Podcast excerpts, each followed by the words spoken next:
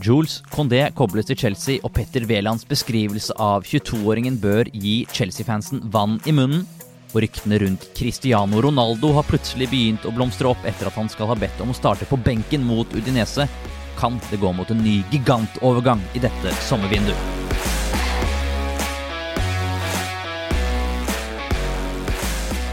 Petter Wæland, orakel på, på, spansk fotball, må vi kunne si. Velkommen til Silje Sisen igjen. Takk for det. Det begynner å bli tradisjon, dette her. Ja, En strålende tradisjon. Sist du var her, så prata vi om, eh, om, Lionel Messi. I 45 gode minutter om da han eh, var forholdsvis nære, virka det som, Manchester City. Ja. Det gikk et år, så endte han heller opp i, i PSG. Vi, det føles som en evighet det det, siden. Det gjør det. Han uh, får vi se som et uh, lukket kapittel enn så lenge. Vi skal heller prate om, om to andre spillere i dag. Vi kan begynne i, i Sevilla, vi, Petter, med Jules Condé, som visstnok skal være i Eller Sevilla skal visstnok være i, i, kontakt med Chelsea rundt en overgang for han. Uh, midtstopper, du kjenner godt til ham fra La Liga. Kan du si i korte trekk hvor god er han? han er så god at han kan gå rett inn og forsterke Chelsea.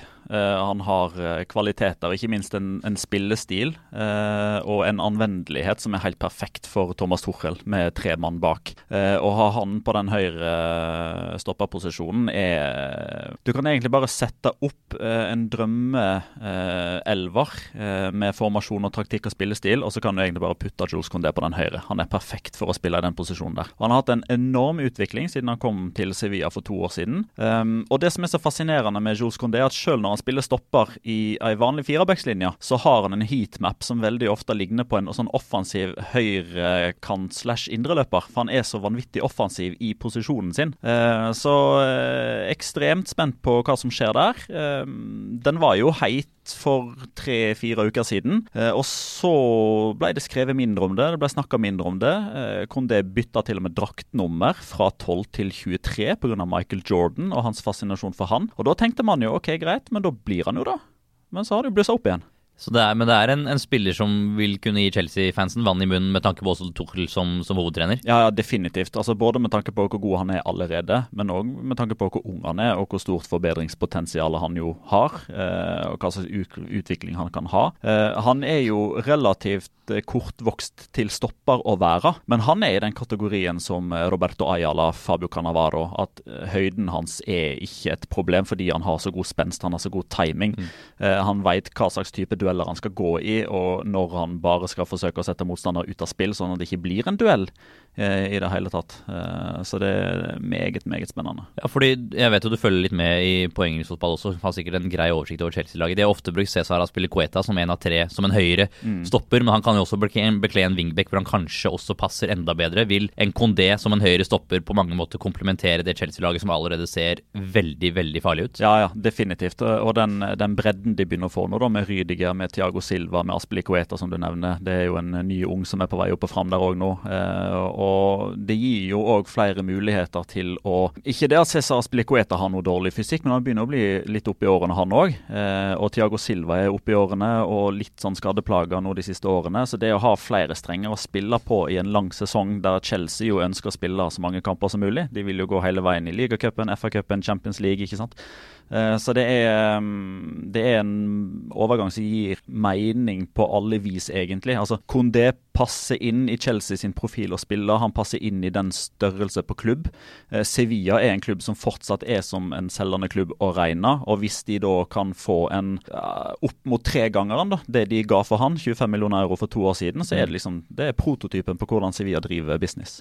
Hva slags, eh, Du har nevnt litt spillertypen, eh, offensiv, offensiv stopper, men hvilke, hvor er det størst forbedringspotensial? Jeg som fortsatt er en ung spiller. Ja, ja. Eh, han kan noen ganger ha en litt sånn um, altså, Han kan se litt nonsjalant ut. Jeg tror det rett og slett bare er hans måte å spille fotball på. Eh, og han har tatt ethvert nivå, eh, ethvert steg opp, uh, helt naturlig. Det tror jeg han kommer til å gjøre i Premier League òg, men jeg tror kanskje akkurat den tendensen til å se litt avslappet ut kanskje kan virke litt kanskje litt sånn halvprovoserende. At det kanskje kan være et sånn mentalt aspekt at motstanderne ser dette. Dette har de lyst til å utnytte. Dette har motstanderens eh, supportere lyst til å bygge opp under. Og det kan òg være et sånn potensielt sånn kime til ikke nødvendigvis misnøye blant Chelsea-fansen, men, men, hvis han fortsetter å ha den litt sånn nonsjalante spillestilen, og det blir noen personlige feil i begynnelsen, så har man jo sett eh, både bedre og mer rutinerte spillere enn Johs Condé la det gå inn på seg rent mentalt. Så Det er jo det store spørsmålet. Er det en, en tendens man ofte kan se med den generasjonen stopper? Man så det litt med, med Virgil van Dijk ti, veldig veldig tidlig i Liverpool-karrieren, og også i Celtic og Southampton, at de har en enorm fysikk, sikkert også som Kondé, men at de kan være litt for avslappa noen ganger og være litt for kalde. En, ser man det ofte på flere stoppere som er i det alderssegmentet. Nå er jo van Dijk opp mot 30, men sånn som man ser Kondé, har du sett en tendens med flere av det i Spania også? Eh, ja, ikke nødvendigvis bare blant Condé eller den yngre generasjonen eller i La Liga, men sånn generelt eh, måten eh, midtstoppere nå er nødt til å behandle ballen sammenlignet med tidligere. Eh, altså, eh, Før så var det jo midtstoppere, altså de skulle stoppe alt. Kom... For det er det ikke lenger? Nei, det er ikke det. Eh, det er i alle fall ikke bare det. Altså, De skal gjøre det òg, men nå er jo de altså de, de er liksom hovedforsvarslinja, men de er jo òg første ledd i angrepet. Eh, du ser i mindre og mindre grad nå femmetere som bare dunkes langt. I så tilfelle er det fordi de har innøvde varianter der eh, spissen trekker ut på, på sida og stusser videre gjennom på en indre løper som kommer på et dypt løp. Da er det mer gjennomtenkt enn mer den vanlige som du så. Klart, nå begynner det jo å bli 10-12 år siden da at du bare liner opp en forsvarsfirer på midtstreken, og så banker keeperen den opp, og så blir det duell 50-50, og så tommelen rett i været, og hva skjer? Eh, den har vi jo gått bort ifra, men det er jo pga. at det kommer en ny generasjon som er vokst opp med en annen type fotball, en annen type innflytelse. Og Kondé kan definitivt være en personifisering av det. Er, tror du Thomas Tuchel og hans eh, både man management og, og spillestil kan være en fin hovedtrener til å finslipe Kondé til å kanskje gå fra hyllen som meget god eller strålende til mm. veldig veldig god over hele verdensklasse? Ja, absolutt. Stor fan av Thomas Tuchel som, som trener og som person. Eh, det han det han har gjort i Chelsea på kort tid, står det umåtelig stor eh, respekt eh, over. Og Det er jo veldig mange unge spillere i Chelsea som allerede har vist at de tar steg under Torhell. Altså, det, det er jo så mange der òg. Eh, Mount, Timo Werner, Kai Havertz, eh, han unge stopperen som ikke kommer på navnet på akkurat nå. Shaloba. Nettopp. Eh, det er så veldig mange da. Reece James. Mm. altså det, Nærmest alle unge spillere som spiller under Tuchel i Chelsea nå, ser man har en progresjon. og Det har nok veldig mye med hans væremåte å gjøre. Eh, og måten han coacher spillere for å ufarliggjøre ting og gjøre gode valg. Uh, F.eks. Det, det trekket med å, å, bytte keeper rett for en straffekonk, og allikevel eh, nærmest nærmest uansett hvordan det hadde gått. Og så tror jeg Thomas Tuchel hadde stått der rakrygga og sagt 'den er min'. Det forsto Mendy, det visste Kepa. Og så gikk det jo bra den, den gangen han valgte å gjøre det, men uh, det, det, forteller veldig mye om Torhild som person. Og nå har han en, en track record i flere klubber nå da med å utvikle unge spillere. Hvis du skal en, kjøre en pakke på stopper i, i La Ligaen, både hvis du da involverer eh, nåværende nivå, men samtidig også potensial. Hvor høyt oppe på en liste er uh, Jules Condé da, hos deg? Eh, kvalitet akkurat nå, tenker du på? Ja, men også kombinert med potensial og hvor god han kan bli. Altså, Jeg, jeg tror i, i, La Liga akkurat nå så har du tre stoppere som kan bli det Sergio Ramos og Gerard Piquet har vært. Mm. Det er Ronald Araujo i Barcelona, det er Jules Condé i Sevilla og det er Pau Torres i Villarreal.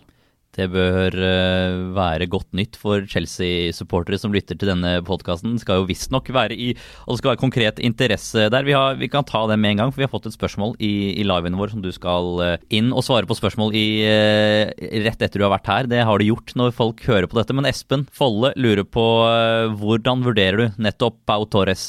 ser flere utenlandske klubber har blitt koblet med ham i sommer, mm. men blir han værende? Hva, hvor bra blir han, og hvor tror du eventuelt han ender opp? Eh, for å ta veldig raskt om Pau Torres, da, altså hvis, hvis Jules Condé er en uh, høyrekant slash høyre indreløper som har uh, endt opp som en høyrestopper, uh, så er jo Pau Torres en sentral, dyp uh, playmaker som har blitt stopper.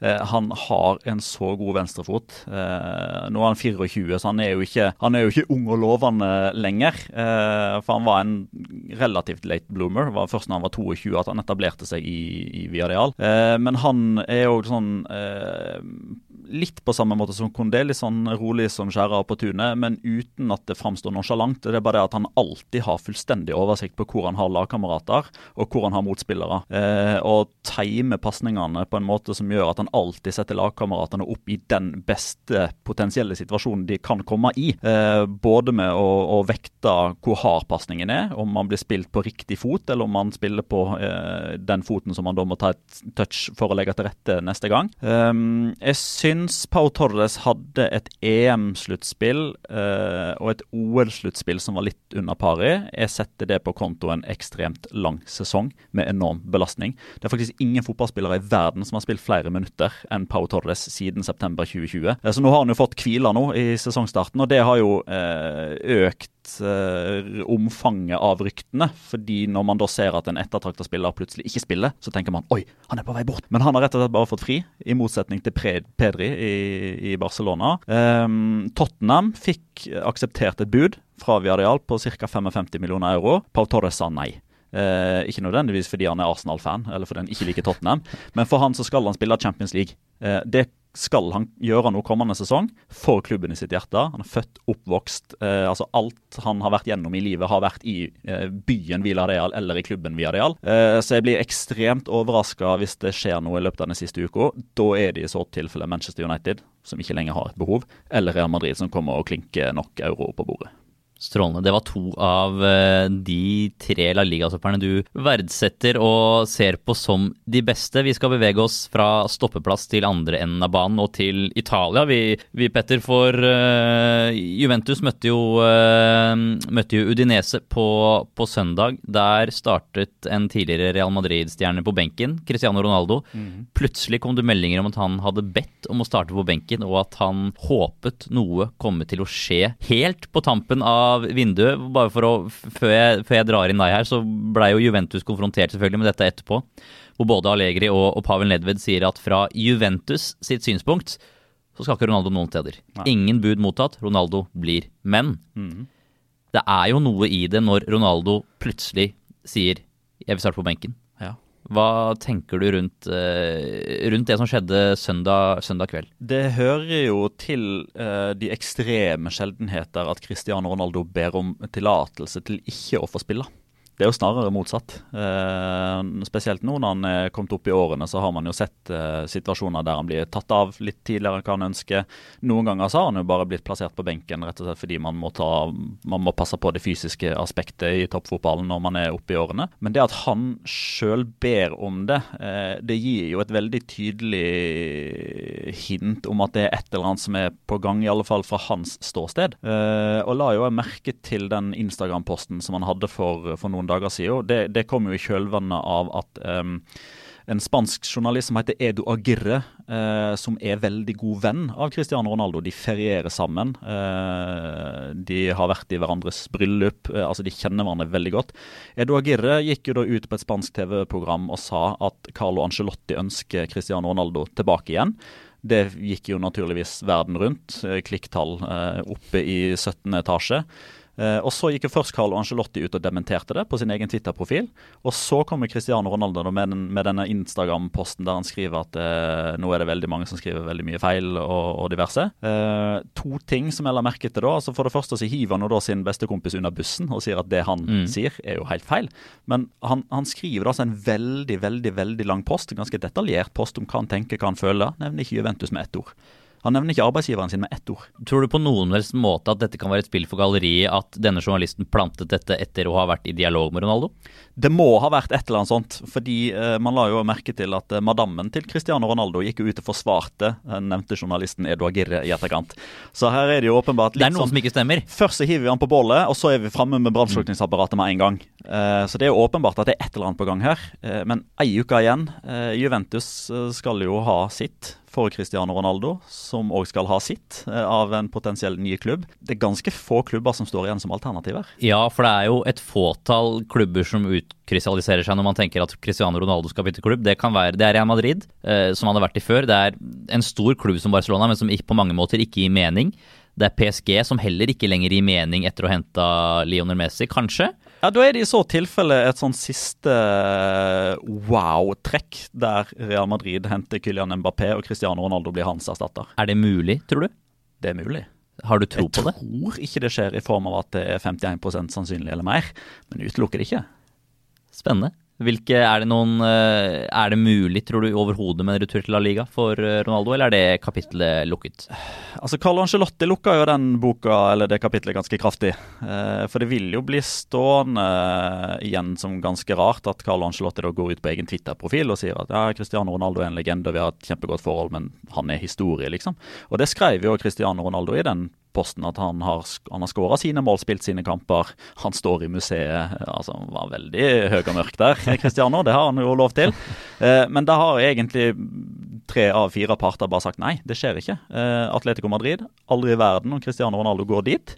Barcelona er jo knapt nåla i veggen. Så nei, eh, tror ikke han skal til La Liga.